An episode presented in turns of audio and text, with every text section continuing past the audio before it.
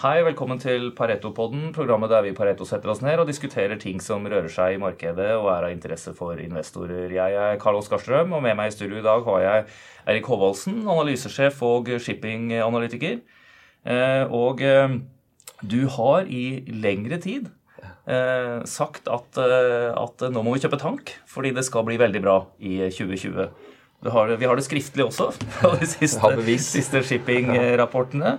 Eh, hvor det sto 'Tankers is the trade into 2020'. Det publiserte du her i for tre måneder siden. Og på de tre månedene så har jo aksjene gått om 12-25 mm. eh, Vi ser nå at det, vi får pågang fra, fra, alle typer investorer, små egentlig, som, som spør om vi kan snakke litt mer om særlig tankmarkedet. Men vi ser også at store investorer eh, er på ballen her, og at det etableres nye selskaper. Og at det egentlig skjer mye innenfor eh, for tank. Så da tenkte vi vi skulle ta en tematisk eh, podkast rett og slett om det. Og da kan man kanskje begynne. Hva, hva er tank? Hva er det vi snakker om her, egentlig? Ja, altså Tank er jo noe som er veldig, eh, veldig norsk, da. Veldig nært eh, det egentlig vi nordmenn har holdt på med i, i, lang tid. Altså Tank er jo olje og store båter eh, mm. som da har en tendens til, når markedet blir veldig bra, eh, eller når markedet blir, blir tight, så, så, blir ratene veldig, veldig gode. Fordi at priselastisiteten, eller det vil si at det fra befrakterne er villige til å betale, eh, er ekstremt høyt. da, de, Det viktigste for dem er å få tak i båt når, eh, når, når de trenger båt. Og om de da betaler eh, tre dollar per fat, eller fire dollar eller fem dollar, det har liksom ikke noe å si, men, men det slår ganske mye på internett til rederne. Så, så det, når vi snakker tank, og, og, og de tankselskapene som, som, vi handler, og særlig Frontline, da, som er det mest kjente, eh, egentlig ikke bare i Norge, men i hele verden, eh, det er skip som frakter mellom 1 og 2 millioner fat olje. Eh, og da stort sett eh, går mellom Midtøsten og Asia, men også i økende grad Atlanterhavet og Asia. Eh, ja, for dette er jo et marked som er litt under endring. Men det handler jo i bunn og grunn om å transportere råolje, eller også oljeprodukter, det kalles produkttank, fra A til B. Ja. Eh, og eh, det er jo sånn at det produseres olje mange forskjellige steder i, i eh, verden, som transporteres til, til, kjøpere mange steder i verden. Men det er også sånn at det er forskjell på oljekvalitetene. Og når da et raffineri skal lage flybensin eller alle diesel, bensin, de forskjellige tingene, så, så, så må de gjerne ha eh, forskjellig type input også, eller det vil gi forskjellig økonomi der. i mm. Så det hender jo at, at olje sendes liksom litt på, på kryss og tvers.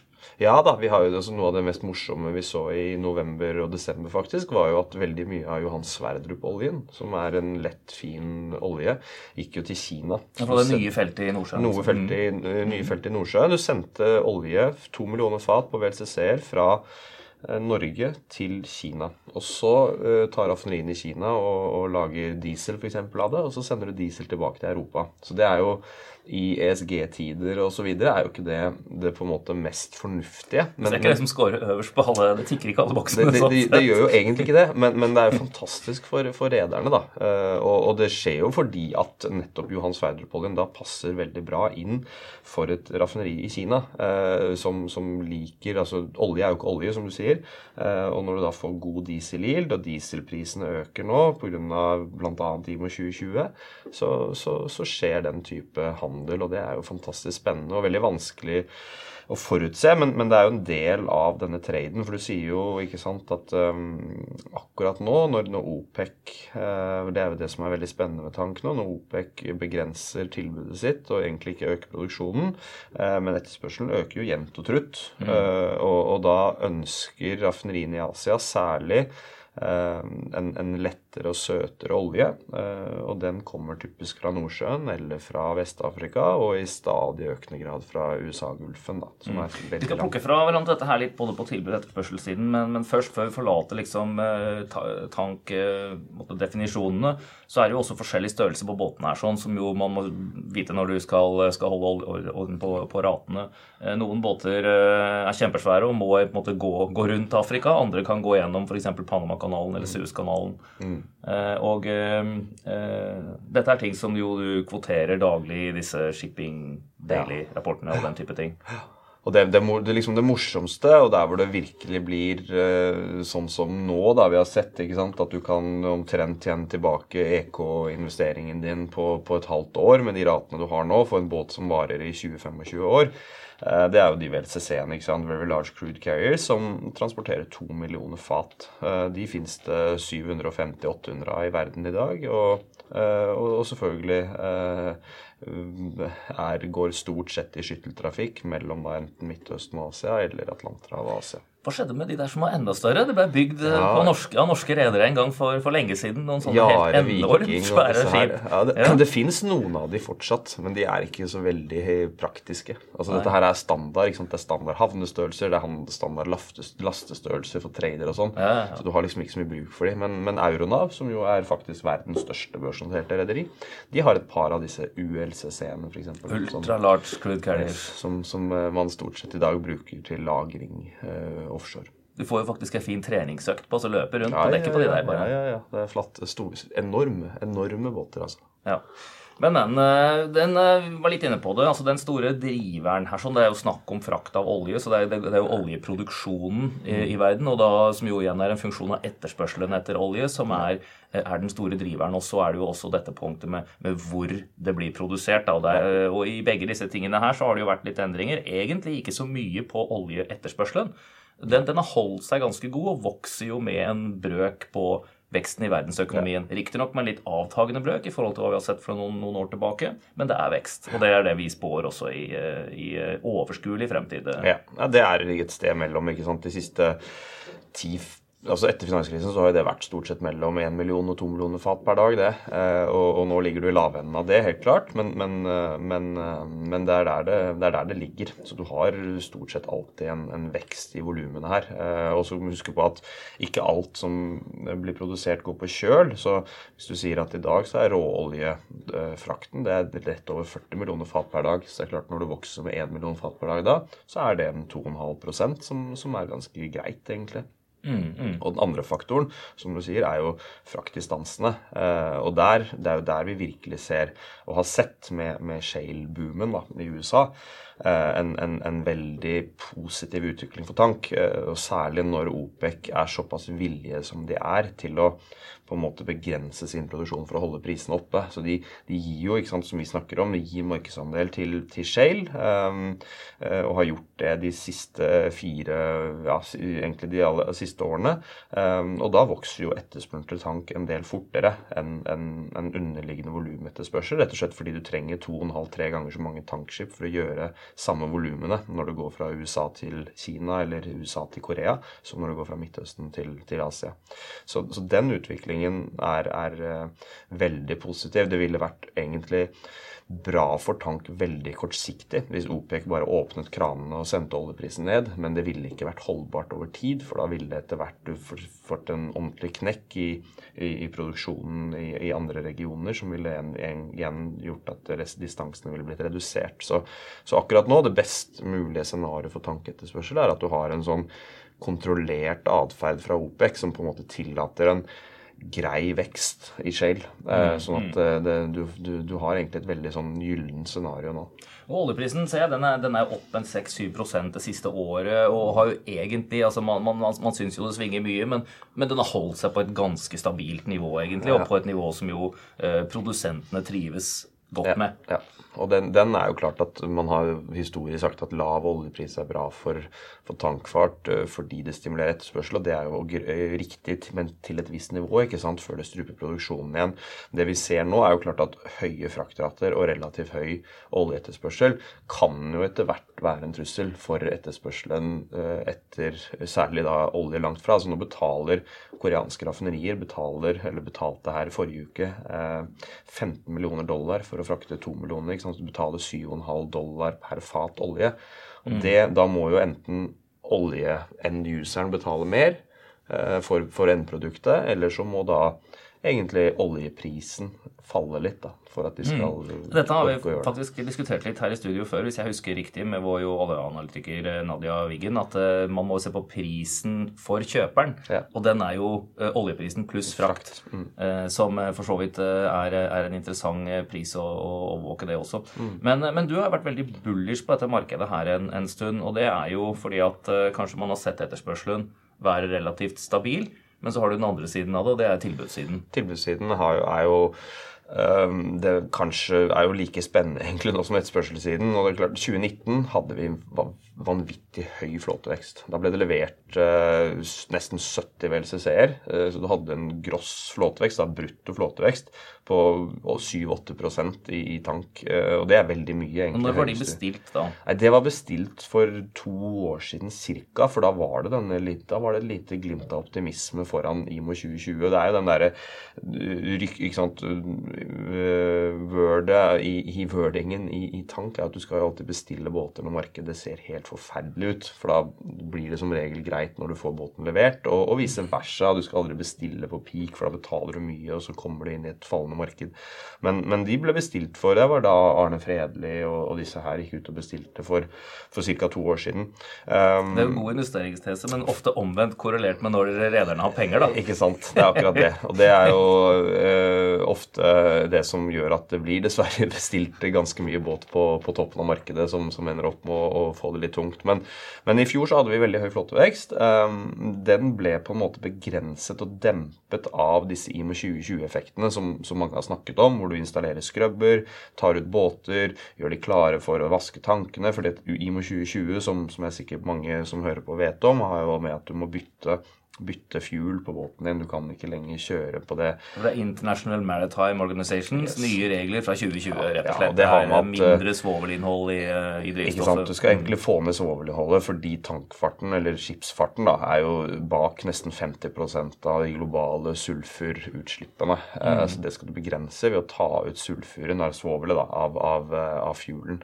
Eh, Og det, det har jo bidratt til store på en måte eh, investeringer i skrubbere, som, som er disse apparatene man installerer på båten for å, for å dempe svovelutslippet, eller ta det helt bort, eh, som, som påvirket markedet særlig andre halvår i fjor. Så da fikk du liksom en, en, en Selv om det ble levert mye båt, så ble veldig mye av den effekten motvirket av at mye båt gikk ut. Eh, Men nå ser vi jo inn i 2020 at den leveringstakten den kommer dramatisk ned. Mye lavere eh, flåtevekst. Eh, 2021 er det nesten ikke bestilt noen ting, og, og nå begynner vi liksom å Tre-fire måneder frem nå, så vil 2021 være Da får du ikke levert båt lenger i 2021. Så, så vi ser jo nå at både på en måte brutt og flåtevekst kommer til å være lav fordi det, det er færre båter bestilt og færre båter under bygging. Men så ser vi også det andre interessante. Eh, Og det er jo første gang på egentlig 20 år vi ser det i tankfarten. Det er at du begynner å få en ganske sånn stor del av flåten som rett og slett må fases ut. Eh, Skipsbygging går jo også i sykler, og, og det ble bygget f.eks. ganske lite båt på midten av 90-tallet. Eh, og, og det betyr også da at skrapingen forrige gang markedet var bra, i 2015, sånn re relativt sett var ganske lav, men, men det ble bygget mye båt fra 2000, 2001, 2002 osv. Det betyr jo egentlig også at naturlig skraping kommer til å være en del høyere i 2021-2022. Selvfølgelig i dag, når båtene tjener opp mot 100 000 dollar dagen, så er det ingen som skraper. Da, da beholder du båten. Men så fort det kommer litt ned, eh, og etter hvert så vil det uansett Altså en båt som er 25 år gammel pluss, den har ikke noe hjem. Eh, Det er ingen som bruker den. Nei, for, for levetiden på, på disse båtene er jo altså 20-25 år, og så Tank er, nok det, bli ja, tank er nok det markedet på shipping hvor du har mest på en måte fokus på eh, akkurat det. Eh, og og et oljeselskap som Equinor altså de vil jo aldri kunne risikere å bruke en gammel båt for å spare et par dollar, eh, og så går det hull i båten, og, og du slipper ut eh, to millioner fat utenfor en strand i Frankrike. Det går ikke an. ikke sant? Sånn at eh, fokuset på miljø er stort, og fokuset på kvalitet på båten er stort, og det gjør at eldre båter båter er ukonkurransedyktige. Og I tillegg også dette nå med at IMO 2020 har kommet og drivstoffet har blitt relativt mye dyrere, gjør jo at en gammel båt som brenner kanskje 80-90 tonn om dagen, er veldig lite konkurransedyktig mot en ny båt som brenner 50 tonn om dagen. Altså når, Hvis drivstoffet koster 600-800 dollar tonnet, eh, og du brenner 40 tonn mer, så er jo det nesten 30 000 dollar dagen mer i, i kostnader knyttet til, til, til kun eh, drivstoff. Så dette her, eh, altså Nå har jo da rederne et valg. Enten så må du ha en skrubber på eldre båter, eventuelt for en saks skyld nye. Da, da, kan du ha et mindre rent fuel, men så renses det. ikke sant? Men det er jo en ting som også bruker litt energi eh, når du skal gjøre det der. Mm. Eller så må du kjøpe Eh, ja, hvis en skal popularisere det litt, vanlig diesel. Ja. Båtdiesel nærmest. Og det er jo det selvfølgelig mye dyrere enn her, dette andre drivstoffet. Mm. Men nå begynner jo dette her å trå i kraft. Har man noen erfaringer med hvordan det har funket for, for båtene så langt? Vi begynner å se, altså Det man spådde her, var at dette kom til å bli kaos. ikke sant? For at Før så var det alle båter visste nøyaktig hvilket drivstoff de skulle ha. Alle brukte det samme. Alle brukte HSFO stort sett. ikke sant? Noen regioner, sånn som Norge, så kunne du ikke gjøre det før heller. Men, men stort sett, om du gikk i Midtøsten eller rundt i Asia, så kunne du bruke det. Så når det nå kommer inn flere, for det er ikke bare ikke sant? det er forskjellige typer diesel, og det er noe som er det som har blitt mest brukt, det er det som heter VLSFO, som er Very Low Sulfur fuel oil, hvor du tar altså Du har egentlig gjort en prosess, blandet litt. Kanskje blandet inn litt diesel i vanlig HSFO for å få ned svovelinnholdet. Um, og det vi har sett nå, er, er, jo at det er mye forskjellige kvaliteter med fuel der ute. Og mm. mye som ikke funker så bra. Uh, og man sliter å få tak i det noen steder. Så det gjør at uh, køene på disse fyllestedene har vært lange. Og alt dette her er fantastisk for shipping. For det gjør at hvis hver båt bruker tre dager mer på å fylle, så er det 1 av flåtekapasiteten som er ute. Og den mm. type effekter ser vi. Uh, andre effekten som vi kommer til å se, er jo at de båtene som fortsatt da, eller som, som, ikke kan bruke eh, gammel som har en dyrere fuel, de vil gå litt saktere. Det er den liksom naturlige svavelet. For hvis du går litt saktere, det er ikke et lineært forhold sant, mellom fart og fuel-konsum. Så ved å speede litt ned, så kan du spare ganske mye konsum på, på drivstoffet. Eh, og det er igjen også hvis, hvis, hele flåten kjører to knop saktere, så vil også det redusere flåtekapasiteten med bortimot 4-5 mm. Så disse små tingene som man ikke helt tenker over, er, er eh, har vært eh, er, er, veldig veldig bra da, for, for tilbudssiden av, av, tank. I tillegg til for produkttank, f.eks. De mindre båtene som frakter De ferdige, ferdige oljeprodukter. Ikke sant? Der har du mer etterspørsel, for at du må flytte flere produkter til nye steder. Du må fylle opp forskjellige typer drivstoff på, på nye steder. Du må på en måte reversere og, og, og, sette opp helt på nytt igjen alle sånne supply chains som man, som man har der ute. Og det er, er, er, veldig veldig bra og gjør at disse mindre båtene tjener mye penger om dagen. Men dette her har jo, det heter jo IMO 2020, så da har man jo hatt en dato å forholde seg til. Og ja. den har vi nå, nå er vi der. Mm. Eh, så, så, dette har jo en del eh, Eller aktørene har jo sett det ja. og posisjonert seg litt uh, forskjellig. Så, men, men sett utenfra så skulle man jo bare tro at det her, som for så vidt alltid, er bra å ha nye, fine, effektive båter. Mm. Både fra et miljøaspekt, men også da i forhold til å, å kunne, kunne ja, nyttiggjøre seg dette her gode markedet. Ja. Hvordan ser du på, eh, på, på det, egentlig? Nei, så Det vi har sett, er at de selskapene, sånn som Arne Fredelig med sitt Hunter, har jo truffet planken. ikke sant? For han gikk ut og bestilte nye båter med skrubber. Betaler bitte litt ekstra for å få de skrubberne på, men, men da kommer båten og er klar. Eh, ikke noe tull. Så har du hatt de andre som har eksisterende båter. Så har man hatt to valg. ikke sant? Skal man ta båten ut av markedet i 30-40 dager og installere skrubberen? Eh, eller skal man satse på at den spredden, da, den, den merkostnaden på å få tak i compliant drivstoff, altså dette produktet med, med, med, med lite svovel, mm. Eh, ikke blir så stor at, at, eh, at, man trenger å installere skrubberen. Og Der er det sånn som det ser ut nå, så vil du selv om et, et, en båt som var ute 40 dager i fjerde kvartal for å installere en skrubber, hadde jo et voldsomt såkalt uh, opportunity cost, som vi sier på eng engelsk. Det er vel et norsk ord for det også, men, men uh, alternativ kost. Ja. Men, men, men, um, men, allikevel så ser det ut som nå disse båtene konsumerer så mye drivstoff at det lønner seg å ha gjort det. Uh, så de som har skrubber der ute nå, de tjener 20 25 000 dollar dagen mer enn de som ikke har det. Mm. Um, og det er klart da, hvis du har betalt 3 millioner dollar, og, men, men tapt kanskje 2 millioner dollar da, på å være ute av markedet, så vil det fortsatt lønne seg hvis den spredden er der i seks-syv måneder. Ehm, men, men, men, vi vil jo se her, altså Raffineriene har jo lyst til å ta del av den, ta så mye som mulig av denne kaken for seg selv. Så de jobber jo med forskjellige typer drivstoff. Og etter hvert så vil det nok komme en del tilgjengelig drivstoff som tilfredsstiller IMO 2020-kravene. Så uh, to, tre, du, du, bør nok betale ned den skrubberen din i løpet av to-tre år. Uh, uh, og, da må jo spreddene på en måte være der en stund, da. Mm. Men, men enn så lenge så ser det ut som det. Men dette er jo et, det er en del verft rundt omkring i verden som bygger sånne båter. Og ja. det er ganske oversiktlig hvor mange som ligger i pipelinen, egentlig. Ja. Og som du var inne på, hvis du skal begynne å bestille nå, så, mm. så tar det et år, halvannet, to år kanskje, ja. før, du, før, du, faktisk får noe. Så dette her er jo tilbudssiden er jo ganske oversiktlig nå. Tilbudssiden er oversiktlig, og, og egentlig, så, så i, i, som vi sa egentlig historisk, så, så, er det jo sånn at så fort redere tjener mye penger, så, så ønsker de å vokse og, og kjøpe den nyeste båten. Så historisk så har jo alle perioder med god inntjening blitt uh, på en måte fulgt opp av en massiv uh, nybyggingsboom. da. Uh, det så vi senest i 2015. Um, og det kan nok fort skje nå også. Det som allikevel er nok litt positivt nå, er at man er rett og slett litt usikker på hva slags type båt man skal bestille for første gang. For det er jo ikke sikkert at dette med skrubber er den beste løsningen over tid. Og det kan være at det er andre typer drivstoff man heller skal bruke. Mye snakk om gassdrivstoff, f.eks. Både mm. LNG og LPG. For gassprisen er jo så lave. Gassprisen er så lave, og det slipper ut mindre karbon, da, CO2, ikke sant? Mm. Som, som, jo egentlig er det aller verste. Svovel er ikke Svovel er én ting, men, men, det er jo egentlig CO2-utslippene her som man skal uh, burde ta tak i. Og det er jo det som på en måte man snakker om IMO 2030 30 tiår ned i veien. At da skal du virkelig legge store begrensninger på, på CO2-utslippene for en båt. Men Er det noen som har, eller har bestilt gassdrevne båter i noe særlig grad? Det begynner å komme. Det har ikke vært noe, gjort noe særlig på VLCC ennå, men på min andre type mindre tankskip så har det gjort det. Og det er typisk sånn som eh, oljeselskap vil på en måte initiere program på. At Shell går ut og sier vi ønsker at noen skal bygge fire LNG-drevne båter for oss. Mm. Så gir vi dere en tiårskontrakt. Eh, og det, den type ting vil vi nok se. Og så vil noen gjøre det spekulativt.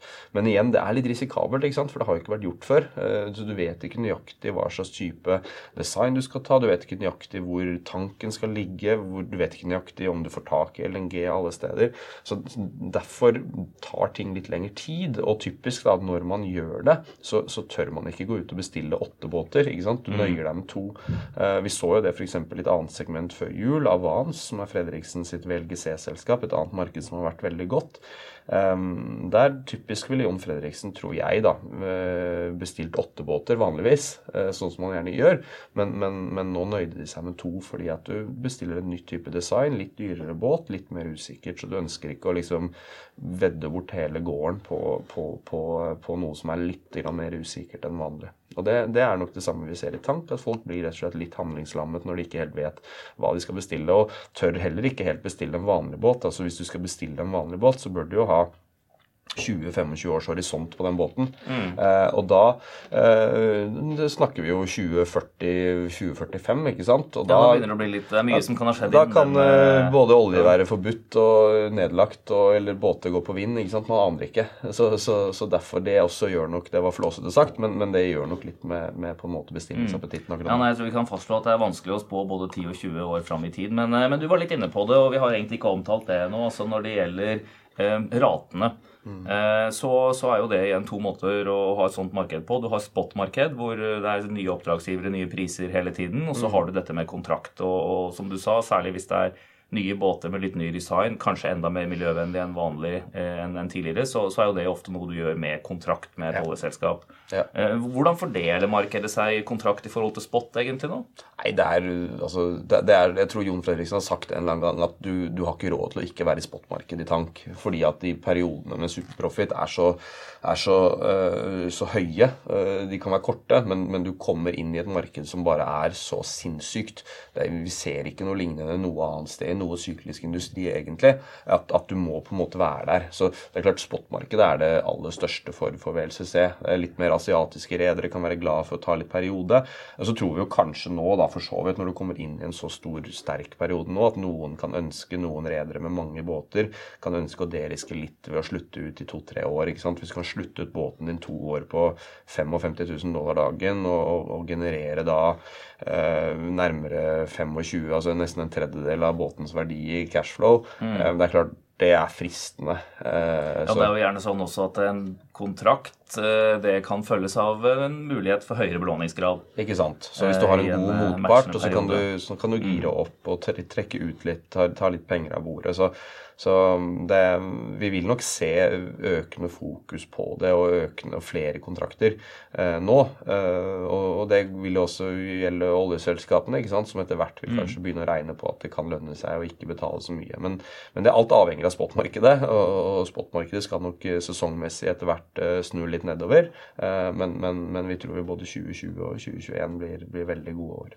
Ja, og det du har snakket om i det senere, er jo liksom opp, eller egentlig at, at ja, du, du har jo estimater for hva snittinntjeningen skal være. Så de som sitter og lytter på dette her, de tenker nå ok, dette her høres eh, bra ut, nå har vi et lite bilde av hvordan landskapet ser ut. eh, how to play it. Hvilke selskaper er det vi, vi har øverst på, på lista nå? Hvordan kan man posisjonere seg i de børsnoterte? Nei, du, altså Det er jo vanskelig å ikke snakke om frontline i et sånt marked, fordi du vet at frontline vil være Vi tror jo Frontland vil på en måte betale ut alt det de tjener, til, til aksjonærene sine. Det er typisk stilen til, til Jon Fredriksen, og det, det har de mulighet til, egentlig. De har ikke noe spesielt De har et par nybygg igjen, men, men de har ikke noe store på en måte forpliktelser andre steder. Så vi tror de kommer til å øh, Og, og selskapet har vært veldig tydelig på det. CEO-en MacLeod han er veldig tydelig på det. Han eier masse masse aksjer selv, mye mer enn de fleste CEO-er gjør. Eh, Så, så vi tror jo her kommer det til å være veldig aksjonærvennlig. og Derfor kan du si at Frontline du betaler litt mer for stålet, som man sier. Men det har du alltid gjort, og det kan, kommer du alltid til å gjøre. Ja, det siden også. prises over Nav, som du ville sagt det til. Ja. Men det er klart, Naver nå, å begynne å se på Naver. Dagens Nav er liksom litt irrelevant. Eh, Du må se på i så fall Naven eh, seks kvartaler nede i veien, for at eh, inntjeningen er såpass høy at, at liksom å se på gårsdagens tall, det, det, det er litt irrelevant, mener vi da. Så, men, så Frontline er klart, den, den, der kommer estimatene til å justeres opp av analytikerne. dividendestimatene, kommer til å justeres opp, og, eh, og vi tror jo de fort kan betale ut 3-4 dollar nesten, de, altså som den inntjeningen er nå. Kanskje, kanskje det var litt mye, men si eh, 3 dollar per aksje i, i 2020 er ikke, er ikke helt urealistisk sånn som ting er nå. Og kursen på, på 12-13 dollar, da er det jo fantastisk uh, direkteavkastning i, i dag. Ja, ja, ja, og da, Det er i den perioden vi nå ser for oss. ikke sant, rett foran oss. Er det noen, eh, men, men de er jo størst, Ja. eh, og kan du si dyrest når det gjelder prising i forhold til, eh, til nå. Det har alltid vært sånn. eh, Ja. Mest likvid-aksjen. Men, vi- eh, men det er en del andre spennende navn, og kanskje noen også som ikke folk kjenner så godt. Ja, altså du har jo de to lilleputtene på Oslo Børs som Hunter til Arne Fredelig og Okianis, som, som også traff planken med etableringen av selskapene, har gjort det kjempebra og, og, og kommer til å tjene veldig veldig gode penger. Med, de timet veldig godt. Ja, Fredelig så det her, og han bestilte båt, rett og slett. Og Ja, altså det det- det- de får de nå. Det bettet han har gjort, er ganske imponerende, faktisk. eh, Og, og, kommer til å sitte der med syv båter fra, fra andre kvartal og, og ha tre allerede. Og de tre båtene, altså den inntjeningen han kommer til å ha i første kvartal på de tre båtene, er, er, er helt pervers. Så, så, så det har truffet bra. Og så har du et par av de kanskje internasjonale selskapene som vi ikke ser på så mye her i Norge, da, som, som vi liker veldig godt. DHT. Eh, Som for så vidt er et, eh, et Zoomen eh, som, som nordmenn kjenner godt til. og- Det er til Double Hull Tankers. Da. Double Hull Tankers Ja, mm. og, og, og to norske CEO-er som, som også har gjort en kjempegod jobb med selskapet gjennom nedturen og posisjonert seg veldig godt da, for det vi ser nå. Og også ligger an til å betale veldig gode utbytter. Du har også Euronav nede i Belgia. Ja, det er mer for de trauste, er det ikke? Det er litt Sånn, traustere. Men det er stort, det er Stort solid. og, og, og, og, bare båter i vannet. De har ikke skrøbbere, ikke sant, som gjør at de kanskje lider lite grann i, i, i De må kjøpe dyrere fuel. Kjøpe litt dyre film. De har faktisk kjøpt De, de har jo, som vi nevnte innledningsvis, disse ULCC-ene. Ja. De har faktisk kjøpt, eh, kjøpt eh, billig fuel i fjor sommer og bare satt på en sånn båt. Så de har faktisk sikret seg på, på gårsdagens pris da, en, en, en ganske lang periode. Så det kan jo godt være de etter hvert bestille skrøbbere hvis denne spreden er der. Og hvis ikke, så har de i hvert fall sikret seg en, en, Ja, en, viss periode. Full tank, full tank før prisen gikk i taket. Ja, ja, ja, jeg lurer. Disse her er det belgiere. Ja, belgiere. Ja. Mm. Nei, Den er jo også å handle for de som vil handle aksjer nedover i Europa. Så, så ligger jo den der eh, tilgjengelig. Ellers så har vi en, eh, del cases notert i, i USA. Ja. så var jo vi med og satte et nytt eh, selskap på børs nå som også er eh, Ja, Det er jo et vi også burde trekke fram. Det blir på en måte andre derivatet. Produkttank, som er da det som frakter det som går ut av raffineriet. ikke sant? VLCC-en tar, tar oljen inn, og så kommer disse her med jetfuel og bensin og nafta og diesel og, og parafin og alt mulig som går ut av, eh, ut av raffineriet. Det er også et marked som har vært veldig sterkt, og, og, og der er ordreboken enda lavere. Og, kanskje vil man nå se over tid at uh, du har litt kannibalisering, faktisk. At det blir mer produkthandel, litt på bekostning av, av oljehandel. Eh, litt med Dette har med fuel fuel-spesifikasjonene å gjøre. At, at de frakter mer av det som blir etterspurt mer nå i IMO 2020. Eh, Så det er et selskap som, som er stort. eh, Stor markedsverdi, men litt liten fri flyt ennå, fordi Zoomen sitter og kontrollerer eh, to tredjedeler av selskapet. Det er. Hafnia vi snakker om. Hafnia snakker vi om Mm, da. mm, mm. Men her tror vi nok at Og enn så lenge er det ikke så mange analytikere som dekker det, osv. Men vi tror når de kommer med Q4-tallene, som blir kjempegode, og Q1-tallene, som blir enda bedre, så kommer det til å få litt mer analytikerinteresse. Eh, Så tror jeg den aksjen der kan gå 40-50 det er på, på i løpet av 2020. Eh, Og, og der blir det også masse utbytter. Eh, Og, og Zoomen har jo egentlig et ganske godt navn, og vi husker jo alle Ja, for det er hvordan- familien som er- nå er bak Berges, eller BV. ikke sant. BV. Vi husker jo alle BV-LPG i børsnoteringen i, i 2013, som ble gjort på vel 47 kroner og var i 90 innen ni måneder. Og det, det kan, du kan jo se noe lignende med, med Hafnia, tror vi da. Ja, det har begynt å tikke oppover i hvert fall etter noteringen. Så det oppover. ser jo spennende ut. Hva med, men Frontline er notert både på Oslo Børs og i New York. Ja. Eh, I New York så finnes det også noen andre interessante Ja da, og der har du, Det kanskje mest interessante der er igjen også et produktselskap, Scorpio Tankers, som, som, som har eh, enda litt større enn Hafnia, men, men litt dyrere og litt mer risky. Mye mer gjeld. eh, så Svinger litt mer, er? Svinger litt mer eh, med volatil aksje.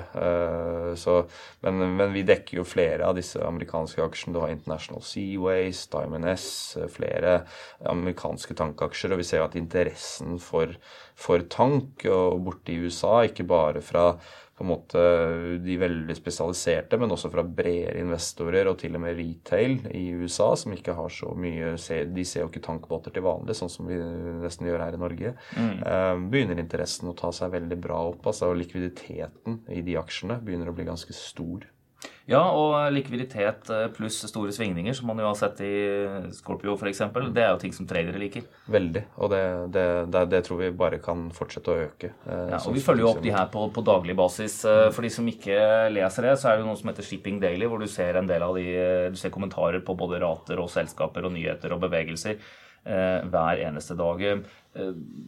Eh, Men det var en liten til på Oslo Børs som vi ikke har snakka om. Okeanis. Hva Hva Ja. slags oppsett er det? Ja, Okeanis var eh, litt, egentlig litt samtidig som Hunter. Eh, Det er, står en gresk familie bak som, som eh, har en blandet flåte. De har både Aframaxer, Susmaxer og VLCC-er.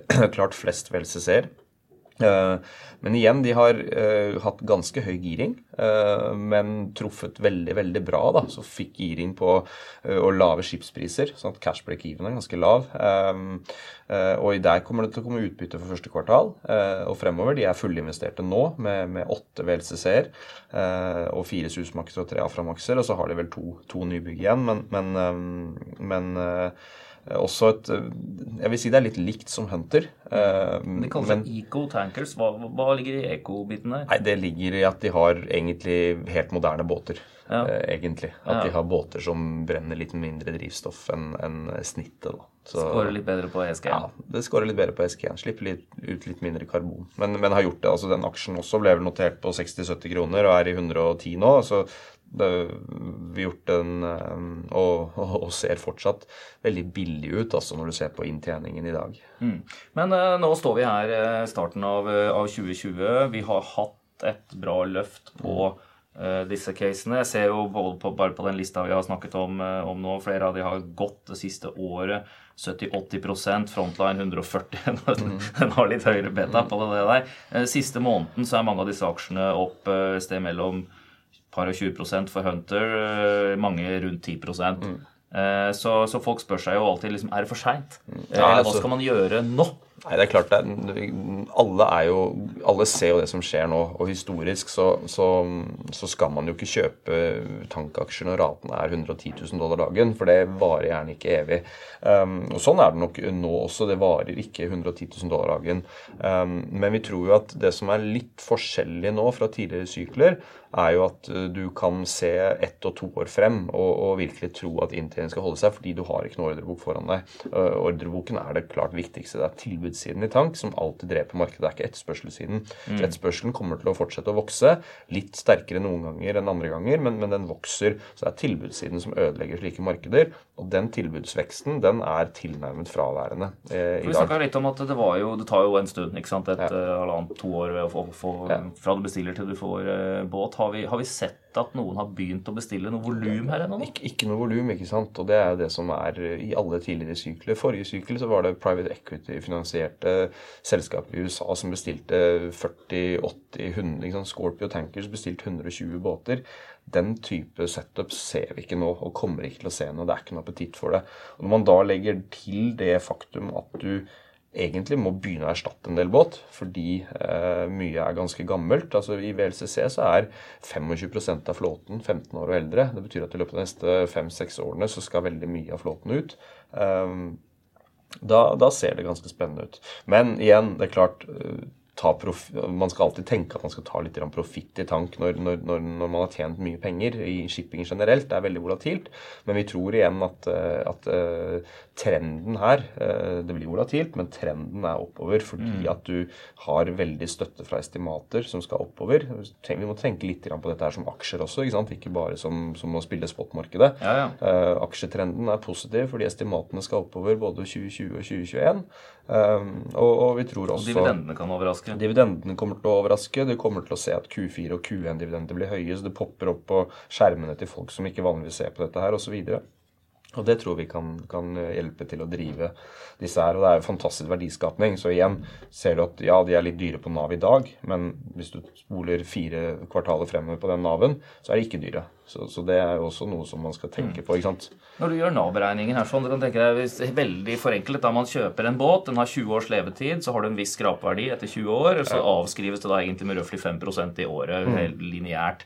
Eh, men så har du jo da en net asset value, som egentlig er, ikke bare er det den er på en måte nedskrevet til, men det du kunne ha solgt den for. Ja. Så det svinger jo litt mer. Mm. Eh, og når du da ser Nav ett år frem i tid, så er det hva du tror du kunne solgt den for om ett år, mm. mm. pluss inntjening i det året. ikke sant? Ja. Og så, så, så det er jo røftlig regnestykket som, ja. som, man må på en måte se for seg ja. her. Så skal man alltid være forsiktig med å bruke for mye Nav på toppen av markedet. ikke sant? For da er, da er eh, den, den, såkalte verdien på båter, som meglere sier, den er langt over det det koster egentlig å bygge nytt.